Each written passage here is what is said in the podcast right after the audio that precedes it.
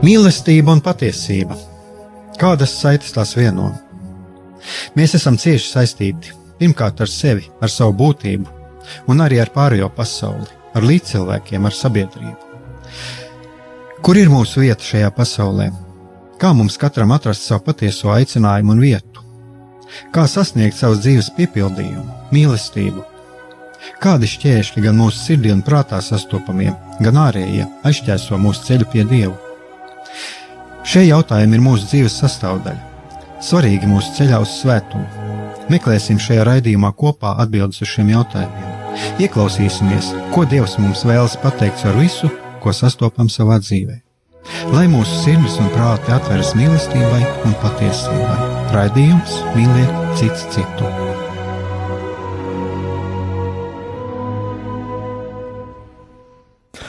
Lai taps slavēts Jēzus Kristus, esiet sveicināti, darbie radio klausītāji. Atkal pēc kāda neliela pārtraukuma esam šeit studijā, un mēs esam atkal studijā mēs abi ar Jāni Jakobsonu. Un um, turpināsim jau to ciklu, ko mēs esam sākuši jau, nu, jau kopš, kopš septembra. Šķiet, mēs varētu to tā nosaukt, tas ir tāda nu, psiholoģiskie un garīgie aspekti cilvēka dzīvē. Un eh, šodienas eh, temats būs eh, mūsu iekšējais bērns.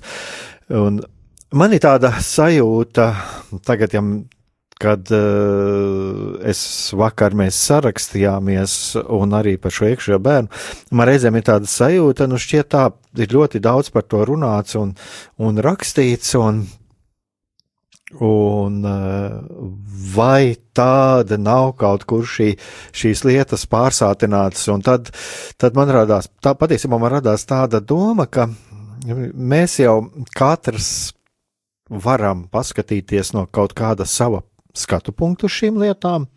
Eh, mēs, protams, arī ieliekam kaut ko no savas pieredzes, Un uh, es domāju, ka katrā raidījumā tomēr var, var uh, cilvēks uh, atrast arī kaut ko sev, un katrs cilvēks var kaut ko dot. Un, un es, uh, piemēram, man joprojām es lasu rakstus par psiholoģiju, skatos un klausos lekcijas par psiholoģiju, un tāpat arī to, kas attiecās uz šīm garīgajām tēmām, jo no katra mēs kaut ko varam paņemt. Bet nu, tagad ķersimies pie šīs tēmas, tātad, tātad šis bērns. Jā, sveicināt, dārgie radio klausītāji. Šodien, kā jau Aigars minēja, mēs vienojāmies, ka mēs vēlamies parunāt par šo te tematu, par iekšējo bērnu. Un, ja man būtu jārunā no psiholoģijas viedokļa, kas tad ir šis te mistiskais iekšējais bērns, par ko psiholoģijā daudz runā Karls Jungs, slavenais psihiatrs, es teiktu pat leģendārais psihiatrs, jo šīs idejas uh, parādās kā pirmās uh, viņa, uh, viņa praksē, un tālāk arī ir bijuši, ja es nekļūdos, vairāki garīdznieki, kuri arī redzēja šo ideju kā tādu patiesīgu un, un sāka arī attīstīt. Un tad, tad definējot to, kas īsti ir šis iekšējais bērns, to var definēt tā, ka iekšējais bērns ir visu to bērnības iespaidu summa, ko esam pieredzējuši no vecākiem un citām piesaistes personām.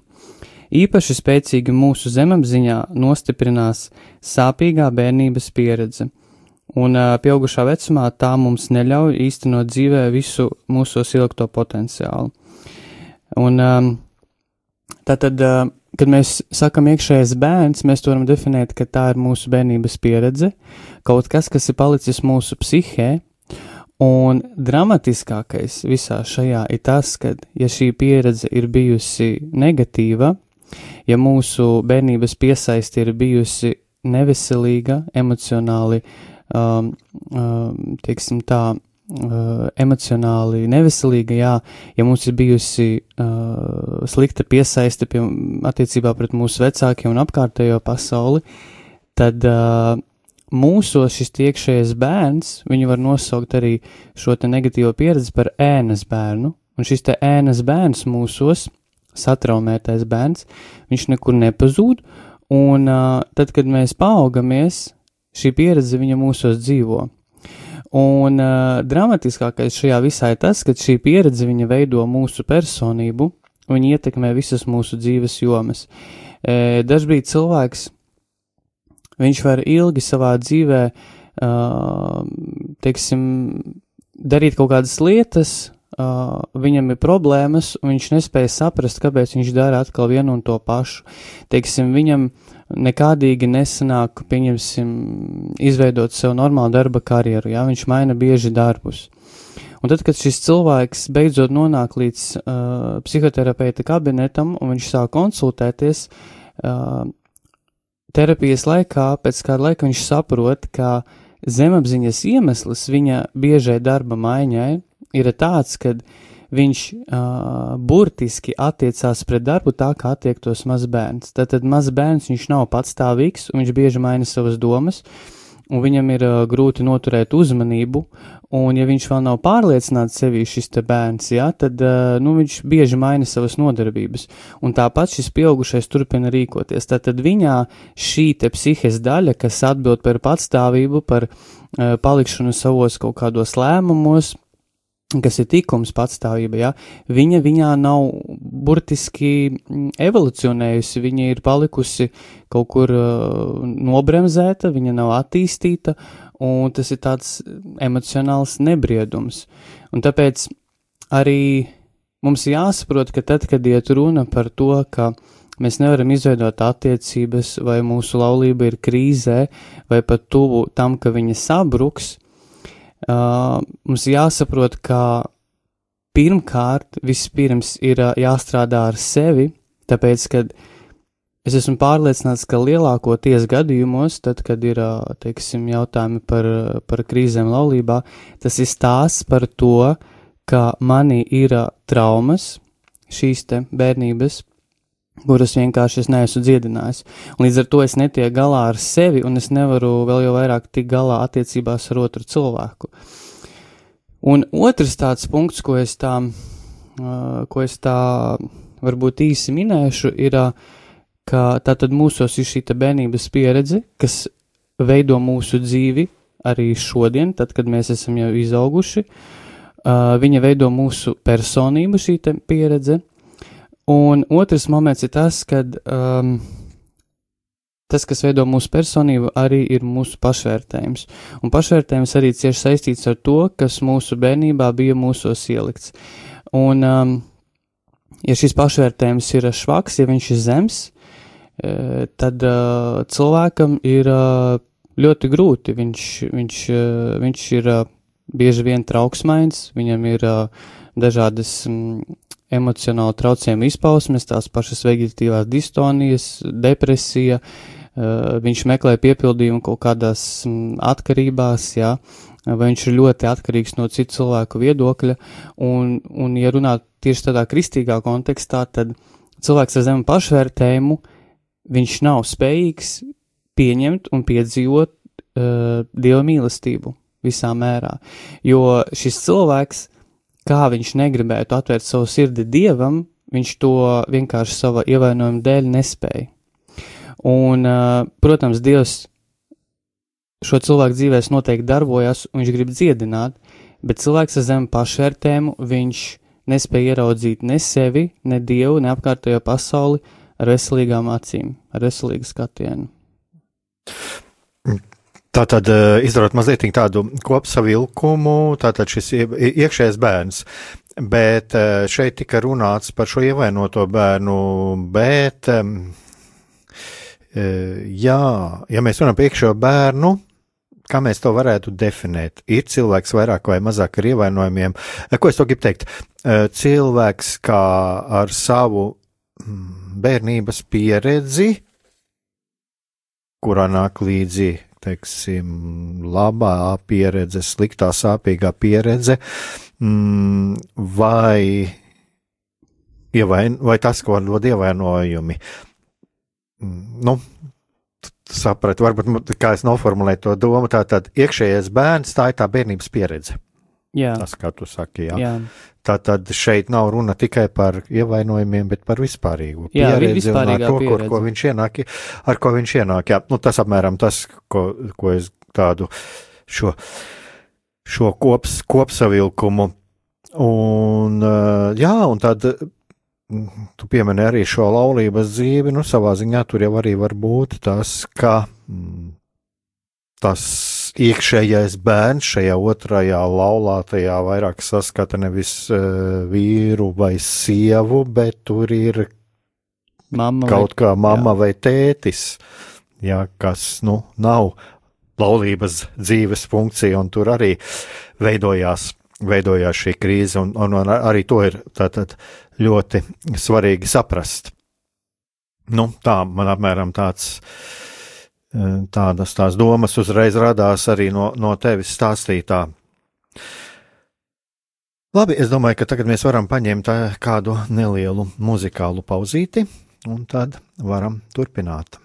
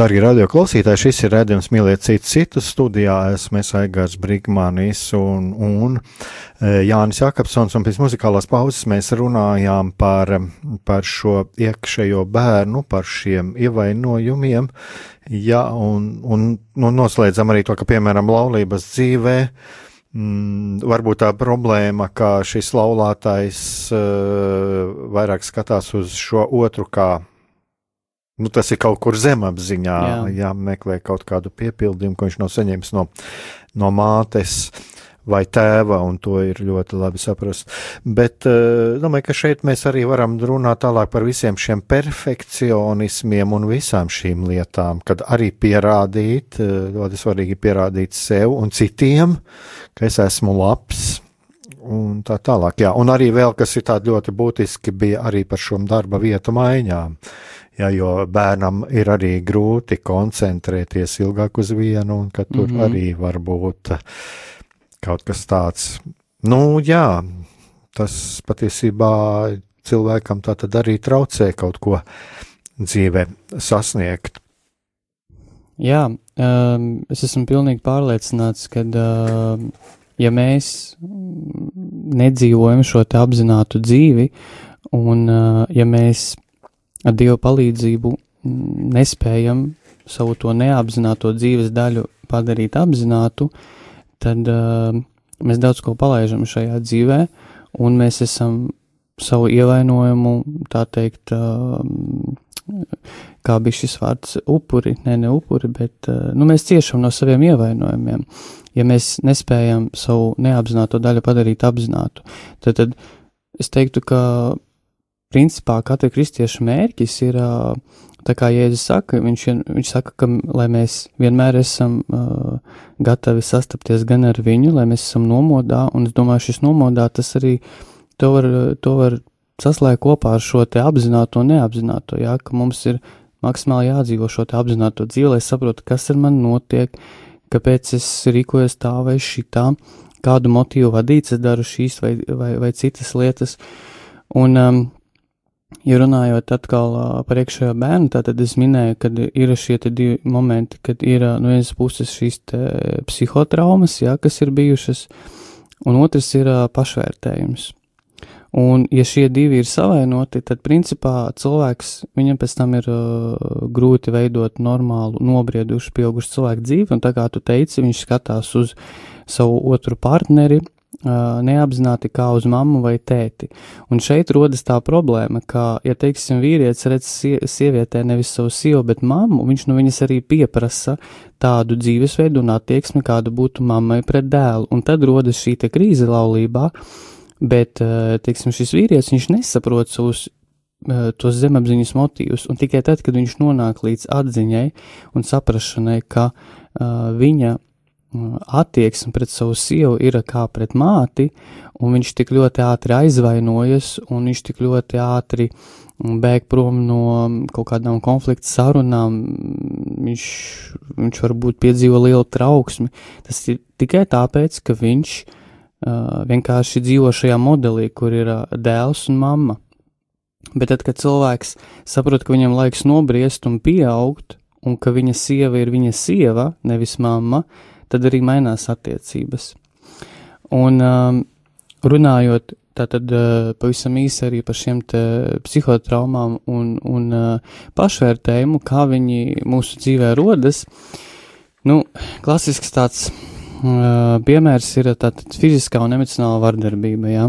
Ja vecāki vai mums tuvas personas pret mums ir bijušas uh, fiziski uh, agresīvas, ar varu norādīja, ko darīt, ko nedarīt, līdz pat tam, ja, ja cilvēks uh, agresīvi norāda bērnam, ko ēst un ko neēst, ja, un liek viņam līdz galam apēst, tad, kad bērns nu tiešām nevar pāriest, tas jau pieskaitās mūsdienās pie fiziskās vardarbības.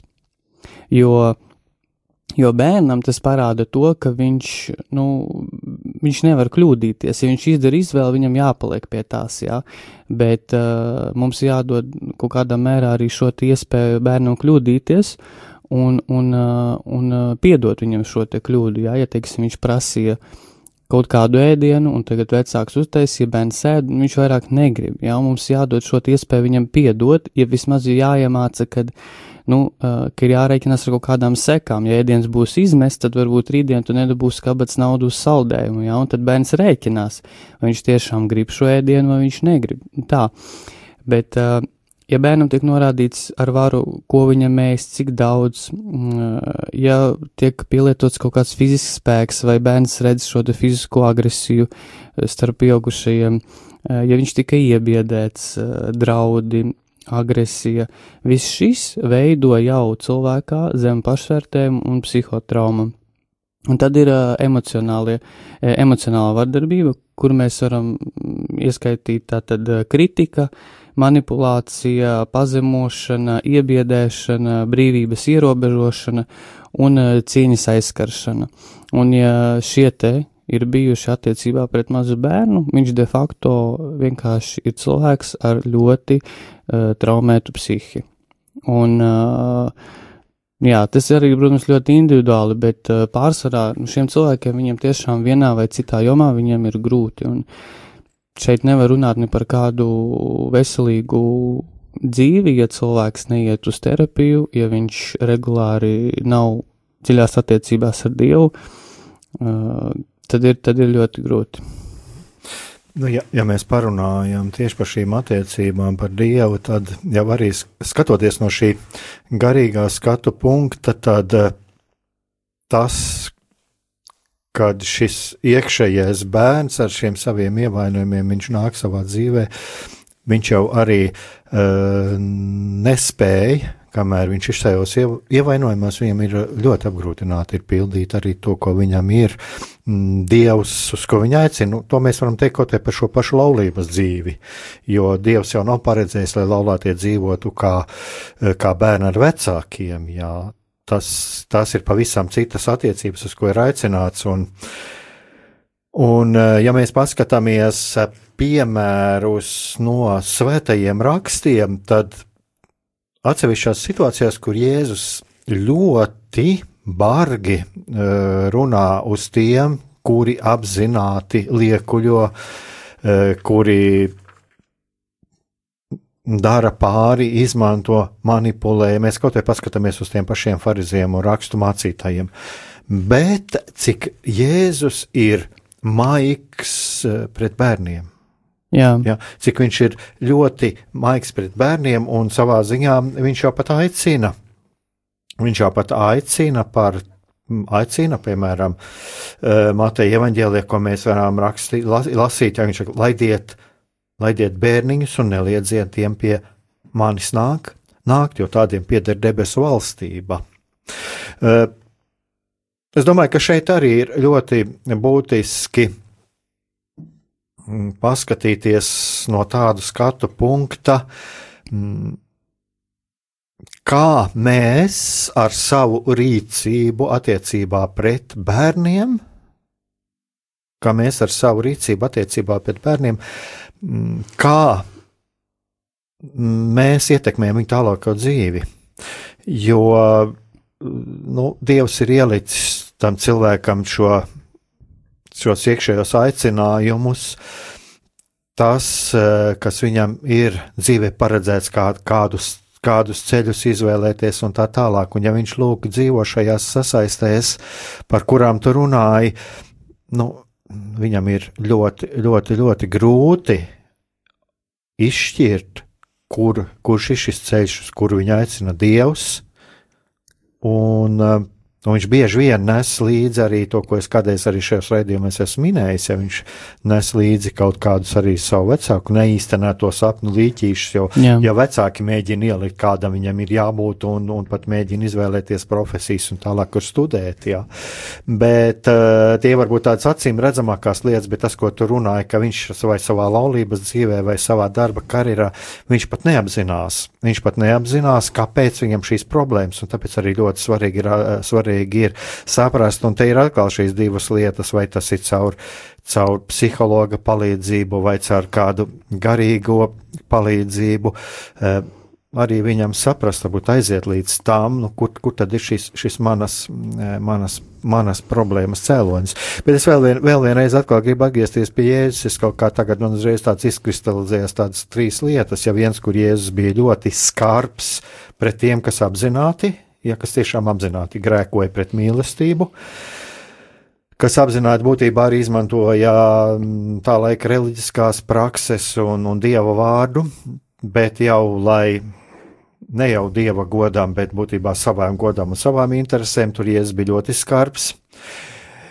Cik viņš bija patiesībā jau maigs un piesardzīgs attiecībā pret pārējo sabiedrību, pret arī pret šiem grēciniekiem ka patiesībā viņam bija tāda ļoti maiga attieksme, un viņš tā ļoti, ļoti maigi pieskārās, lai cilvēkam ierosinātu atrast to šau, savu ceļu, un lai viņš piedzīvotu mīlestību. Un cik ļoti patiesībā viņš bija maigs uh, attiecībā pret bērniem, jo, pateikts, jo viņš pateica, jo tiem tādiem pieder debesu valstība. Tad būtībā viņš jau mūs aicināja būt par, būt jau kā šiem bērniem. Jā, es zināju, ka man arī, es dzirdu kaut kādus tādus stāstus par um, kaut kādiem it kā nepareizajiem vai dīvainajiem vai vēl kaut kādiem cilvēkiem, jā, kuri dara dīvainas lietas vai grēko.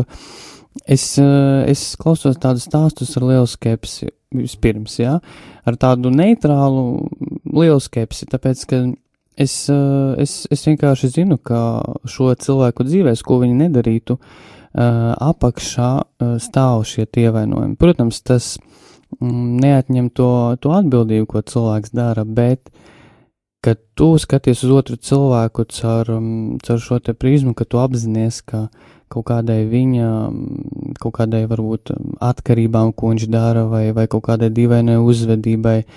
Visam tam apakšā stāv vienkārši tas, ka tur ir maz bērniņš uz, uz nestabilām kājām, jā, kurš, kurš tiešām, nu, netika veselīgi izaudzināts un kurš, kurš piedzīvojis tik lielas sāpes un trauksmi savā bērnībā, ka viņš uh, būtu gatavs bijis nomiris, jā, bet viņš izdzīvojis, un viņš to trauksmi ir uh, savā zemapziņā apglabājis, un viņam nav izdevies izveidot savu dzīvi, teiksim, cilvēks ir bombzis, jā, viņš dzīvo uz ielas. Uh, arī man ir bijušas situācijas, kur es redzu bombu, un mm, skaidrs, ka mana reakcija ir tāda nepatīkama, ja, un es padomāju, ot, kā viņš līdz tādam ir nonācis, ja, ka viņš tur vāc tās pudeles, un, un viņš tur tos ceļ tos smēķus, un, un vispār, nu, kā tā var līdz tādam noiet.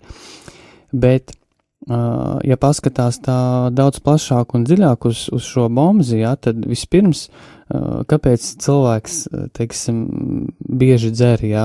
Tāpēc, ka dzīvojot ārā, viņš nevar izdzīvot vienkārši šajā augstajā laika posmā. Un tīri uh, iedzerot to alkoholu, cilvēks sasildās, un viņš uz to nakti var, nu, vismaz cerēt, ka viņš nogulēs un nenomirs, jā. Uh, jā, gan, jā, jā, gan saka, šeit par alkoholu ir ļoti liels risks. jā, tāpēc, ka es esmu pats kādreiz man dzīvojis, nu, ne, ne kā bombzis, bet nu, man bija tāds teiksim, nodarbības, kuras esmu dzīvojis mežā, ja tad viena no lietām, kad jāuzmanās, jo tur ir atkal, kāpēc nosaukt tajā asī, bet siltums sajūta ir. Jā, jā, jā.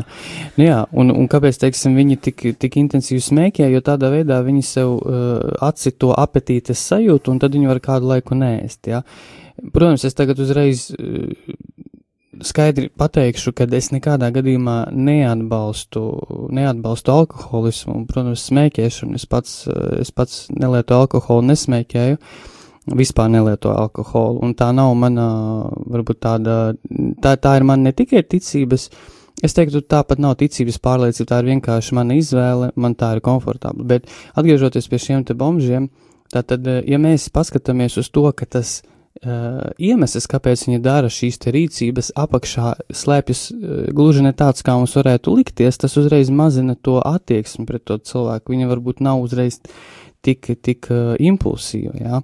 Un saprotot, ka vispār šie cilvēki, viņi, viņi varbūt nav redzējuši savus vecākus kā tādus, viņi ir pieaugušie bāreņi. Un tāpēc arī dzīve viņus tik ļoti izmētājusi.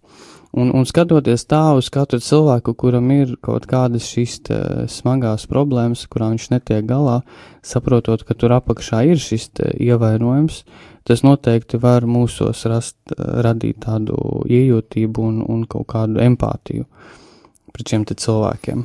Mm, jā, mēs pieskaramies pie šādas tēmas kā empātija. Es domāju, ka mēs tagad varēsim paņemt kādu muzikālo pauzīti, bet tiešām mēs var, eh, jā, jā šī empātija, jo tu pieskaries tādam ļoti svarīgam eh, jautājumam. Jā, ir šis iekšējais bērns, ir šis bērns, ievainotais bērns, bet viņš ir ienācis šajā dzīvē.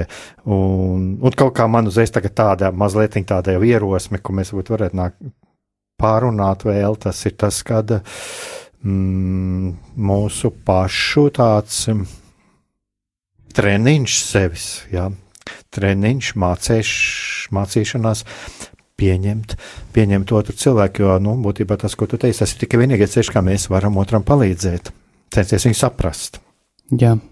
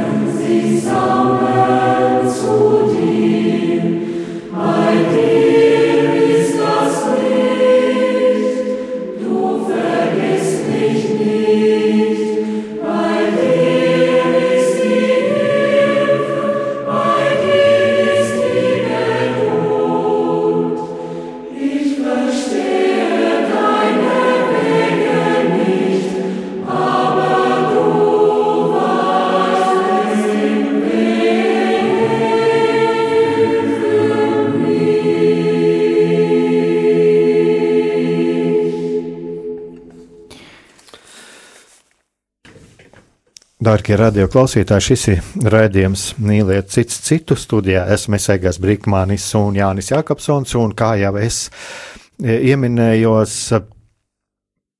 tad e, nu, ir šis bērns, ir šis ievainotais bērns, šis iekšējais bērns, jā, un, un, un mēs arī šeit runājam, arī cik ļoti svarīgi patiesībā, mm, cik ļoti svarīgi ir vecākiem tomēr, un es domāju, vecākiem pedagogiem visiem, kas, kas ir ar bērniem, eh, šo bērnu uztvert kā personību. Jā. Uztvert kā personību, nevis kādu, kuru var bīdīt eh, pēc savām iegribām un kaut kāda eh, pārprastas izpratnes par to, kas ir bērnam labi.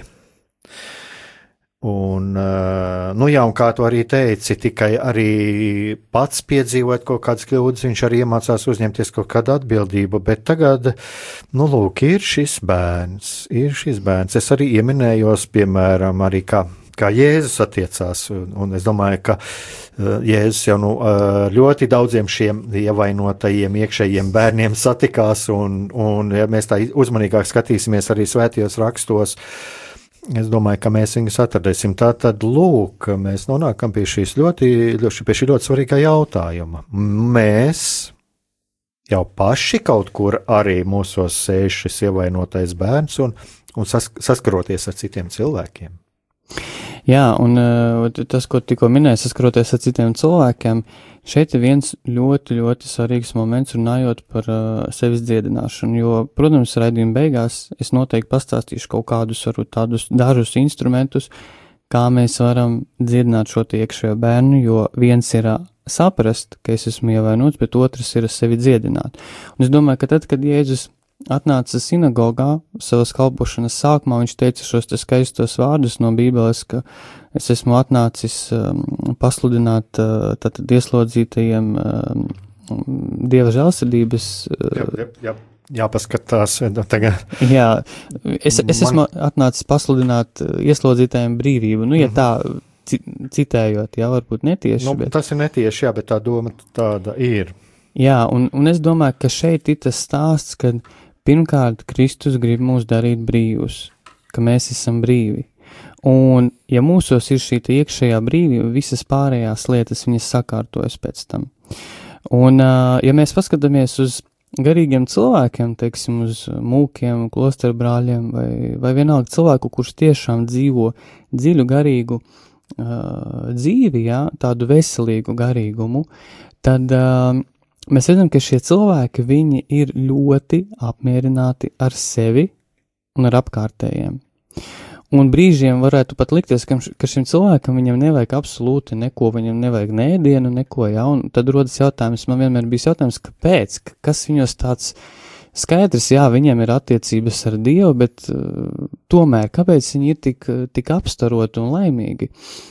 Un, un tas, ko es esmu sapratis, ka šie cilvēki vispirms viņi ir iekšēji dziedināti. Jo tas laiks, ko viņi pavadā ar Dievu, teiksim, kapelā, sakramenta priekšā, tas laiks, ko viņi pavada iekšējā lūkšanā, meditācijā, tas laiks, ko viņi pavada svēto rakstu lasīšanā un meditācijā, tas laiks, ko viņi pavada individuālajā lūkšanā ar Dievu, viņiem Dievs atver acis, ka viņos ir daudz ievainojumu, viņi ir uh, ievainoti cilvēki.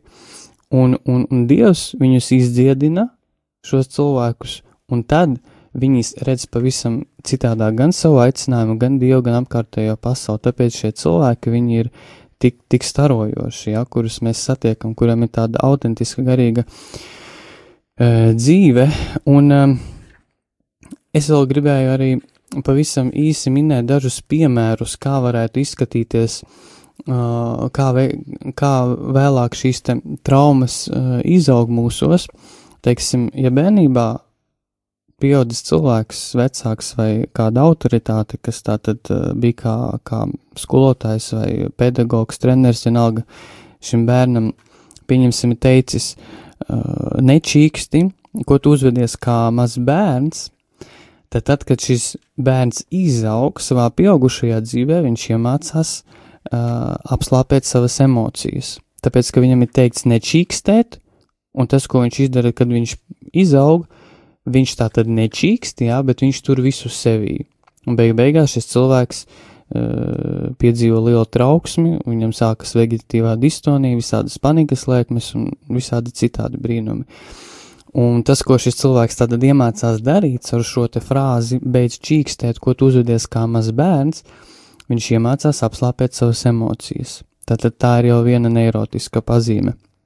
Nākamais, ja bērnībā kāds ir teicis man uh, netēlo gudrnieku vai, vai ko tu uzvedies kā pārgudrs, uh, ko, tu, ko tu šeit uh, pārāk daudz gudro, tad, tad kad es izaugu, uh, tad es pieņemu tādu pozīciju, labāk es noklusēšu, savādāk es atkal pateikšu kaut ko dīvainu, un man nesapratīs, ja? un tad cilvēks, viņš grib izteikt savu viedokli, bet viņš nevar, viņš nemāk, viņš baidās uh, publiskā vidē, uh, socializēties un izteikt savu viedokli. Tātad cilvēkam nav viedokļa, ja ir viedoklis, kuru viņš sevi apslāpē. Un, e, ko tas izveido pieaugušā dzīvē, pieaugušā dzīvē ir problēmas ar uzticību. Tātad cilvēks neusticās cilvēkiem, jo viņš baidās, ka viņam atkal aizvērs muti un pateiks, e, beidz tēlot gudrnieku. Ja vecāks ir teicis, beidz atpūsties, esi nopietnāks, jeb savācies, jā, pārāk bieži, uh, tad um, cilvēks izaugot, uh, viņš uzskata, ka viņš nav pelnījis atpūtu, un viņam ir vienmēr jāstrādā. No šejienes mums rodas darba holiki, kuriem bērnībā teiks, ka ir jāstrādā, jāstrādā, jāstrādā, atpūsties nedrīkst, jābūt savāktam, nopietnam, uh, izcilam, jā, un tad cilvēks izaug par darba holiki, un, uh, protams, ieved sevi lielā trauksmē.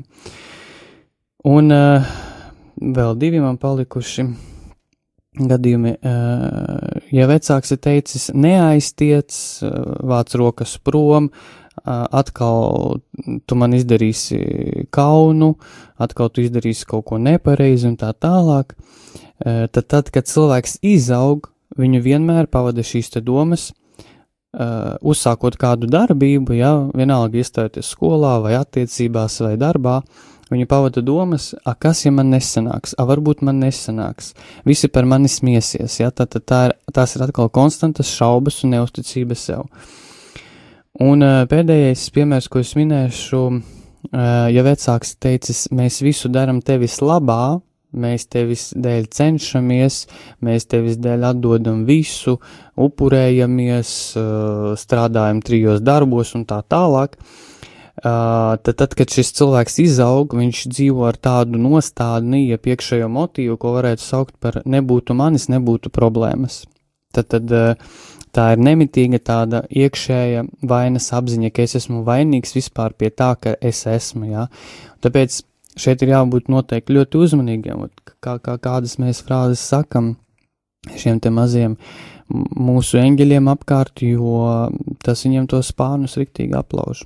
Mhm. Tā tad spār, spārnus aplauž, un, un, jā, un mums ir ļoti svarīgi, lai mēs šo spārnus, spārnus neaplauztu. Lūk, šeit ir no svētiem rakstiem, no iesaistas grāmatas lētvērt acis akliem un atsvabinātu, atsvabinātu apcietinātos no cietuma, eh, un tos, kas sēž tumsībā.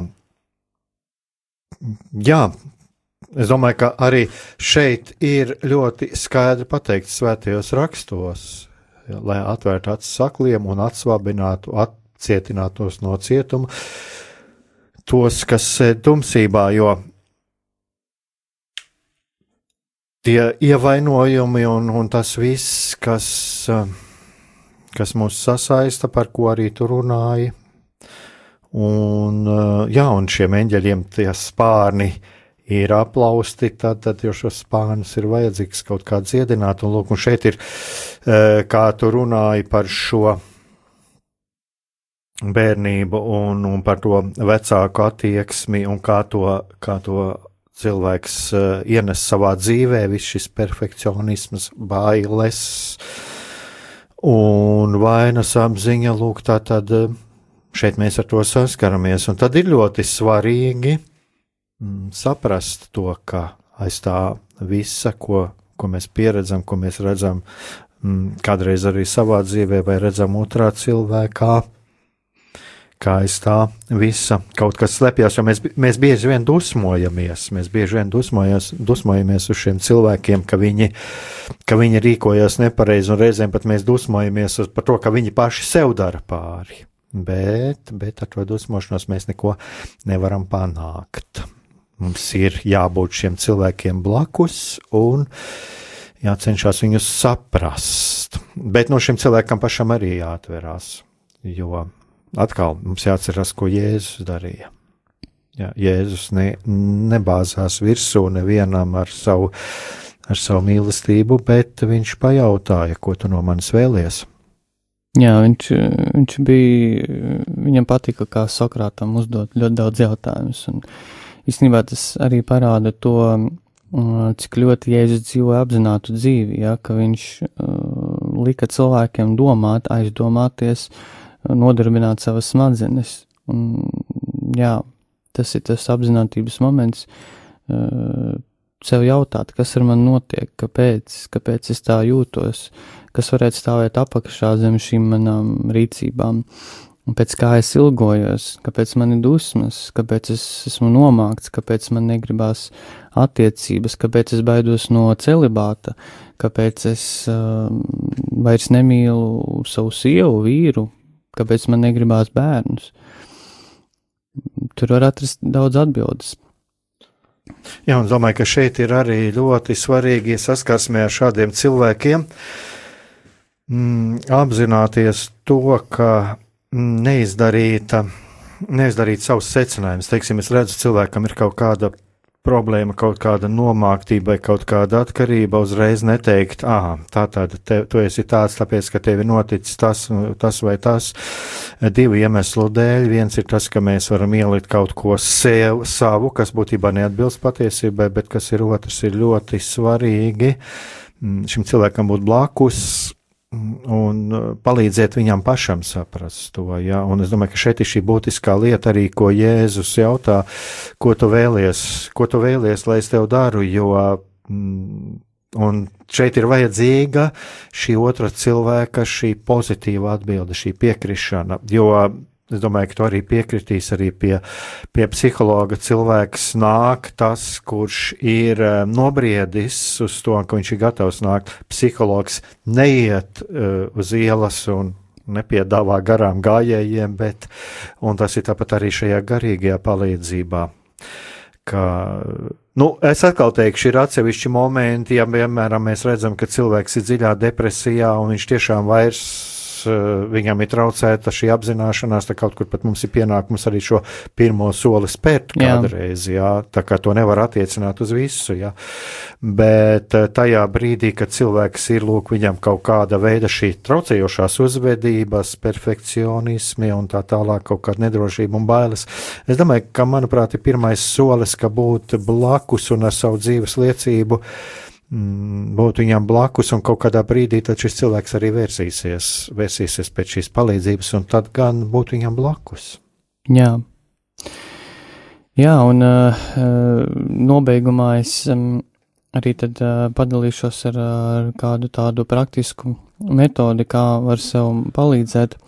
Varbūt pirms tam es ātri nosaukšu studijas um, numuru, ja kādam varbūt ir kāds jautājums vai, vai vēlaties kaut ko uzrakstīt, jūs varat atsūtīt savu izziņu uh, 266 77 272 uh, 266 77 272.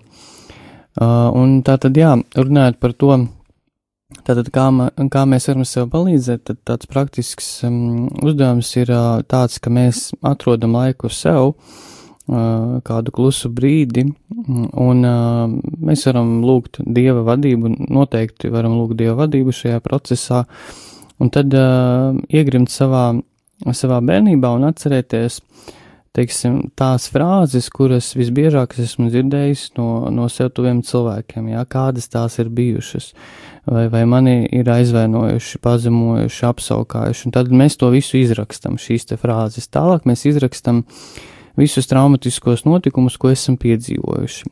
Un dažreiz mēs būtu tā, ka cilvēks pasaka, bet es nepiedzīvoju nekādu attieksmi no saviem vecākiem. Man nebija nekādu sliktu vārdu, un man nebija nekādu īsti traumatisku momentu. Jā, mani vecāki bija uh, varbūt ļoti, ļoti aizņemti cilvēki, un, un uh, viņiem nebija iespējas ar mani tik bieži kontaktēties, un man vajadzēja strādāt, palīdzēt viņiem. Un tad es uh, vienkārši, ja cilvēks man tā pasaka, es viņam, es viņam varu uzdot jautājumu, bet kādas tev radīja sajūtas šis fakts, ka vecāki pret tevi nebija ne labi, ne slikti, bet viņi Viņi vienkārši kaut kur bija. Tas jau tevī kaut ko atstāja, kaut kādu, kaut kādu sajūtu, kaut kādu, kaut, kādas, kaut kādu iekšēju stāvokli. Un tad skaidrs cilvēks nonāk līdz tam, ka arī šī tāda neitrālā pozīcija atstāja šajā cilvēkā tādu neizpratni, kaut kādu tādu, tādu apvainošanos, ja, un šeit arī izkristalizējas tas ievainojums. Tad, tad um, mēs izrakstam šos sāpīgos momentus, kas mums ir bijuši, vai mēs esam atstāti varbūt vieni kaut kur, kaut kāda neuzmanība ir bijusi pret mums. Izrakstam visas šīs frāzes, notikumus, un tad, ko mēs darām, mēs varam paņemt atsevišķi kādu no šīm te epizodēm un uh, atmiņās atgriezties, kā tas ir bijis. Ja?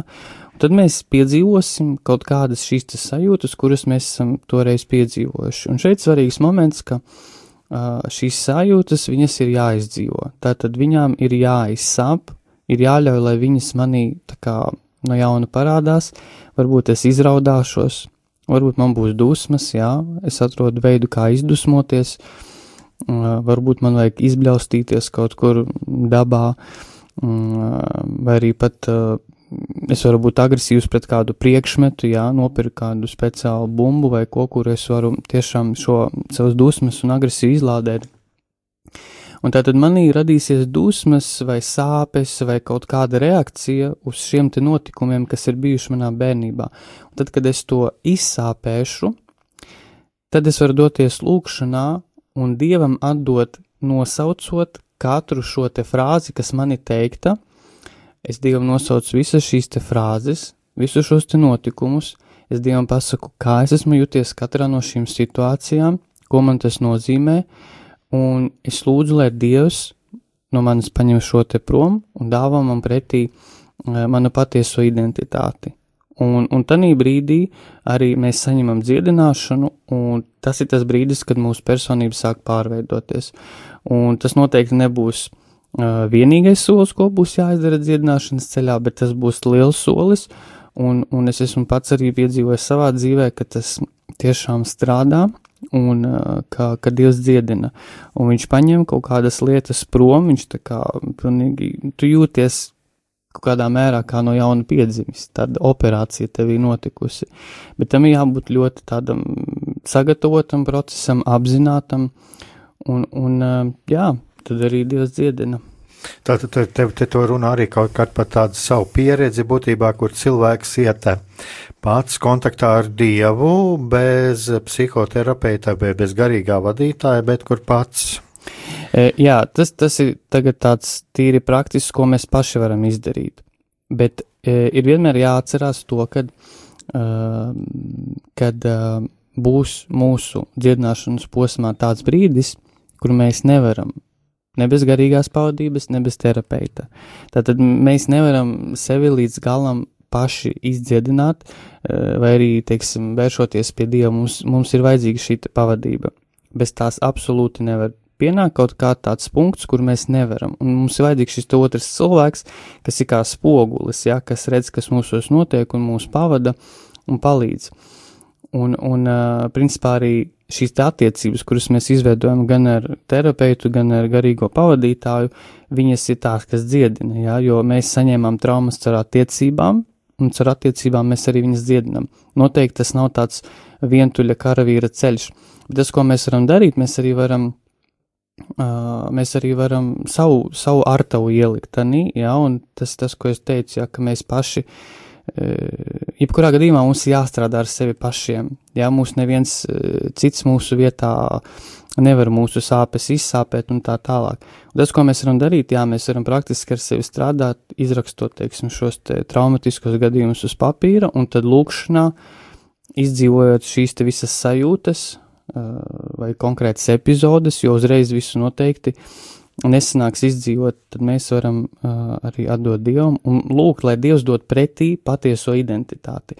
Jo es pateikšu arī no savas pieredzes, tad, ja cilvēks ir bijis, mm, teiksim, viņam ir bijis ievainojums kādā vienā jomā, tad Dievs parasti dod apusēji pretējo. Ja cilvēks ir baidījies, teiksim, no citu cilvēka viedokļa, viņš apbrīnojami kļūst tāds, kuram ir absolūti vienalga, ko par viņu citi domā. Un tas dod tādu brīvību, jo tu vari būt, eh, tu vari būt, domāt un teikt to, ko tu tiešām domā. Un tas ir, eh, tas ir brīnišķīgi. Mhm. Jā, nu es vienkārši redzu tā, ja, e, kāpēc es arī par šo lietu, ja tā, tā, tā, tu runā par to, ka cilvēks e, var individuāli šādā veidā, kā šī metode ir, dibināta kontakts ar Dievu, tāpēc, ka man, man kaut kas tas ir ļoti pazīstams, liekas, bet tikai tas ir rekolekcija ceļš, bet uh, Un, eh, jā, bet ir, ir situācija, ka viņam ir vajadzīga šī palīdzība, šī otra cilvēka, tātad, vai, vai šī psihoterapija, vai šī garīgā vadība. Jā, jā tā kā, var, manuprāt, arī jau šie soļi var būt, ka cilvēkam nav šī otra cilvēka, šī psihologa vai šī garīgā vadītāja, tad tas varbūt arī ir viens solis, kad viņš iziet to, ko tu runā, un tālāk eh, viņam varbūt arī pavērās varbūt arī drosme iet pie tā cilvēka. Jā, noteikti. Jā. Es domāju, ka arī tādā veidā arī tas varētu palīdzēt. Jā, noteikti. Jā. Nu, ļoti tāds, patiesībā tāds ļoti, ļoti, ļoti skaists un labs ieteikums, un es domāju, tagad jau, nu, gan mums būs jābeidz, jo mums jau ir, ir jau savs laiks ir pagājis, bet tiešām Tiešām, lai mums katram izdodas, es pat teiktu, tā satikt, iepazīt, iemīlēt savu iekšējo bērnu, un lai Dievs mums palīdz, palīdz dziedināt pašam sevi, un arī būt blakus tiem cilvēkiem, kurus Dievs liek mūsu ceļā, un iet kopā uz, uz, šo, uz šo brīvību, kas mums visiem ir paredzēta. Nu, tad līdz nākamajam raidījumam, un lai mums tiešām, lai Dievs mums ir katrā mūsu solī līdz nākamajai reizei. Visu gaišu!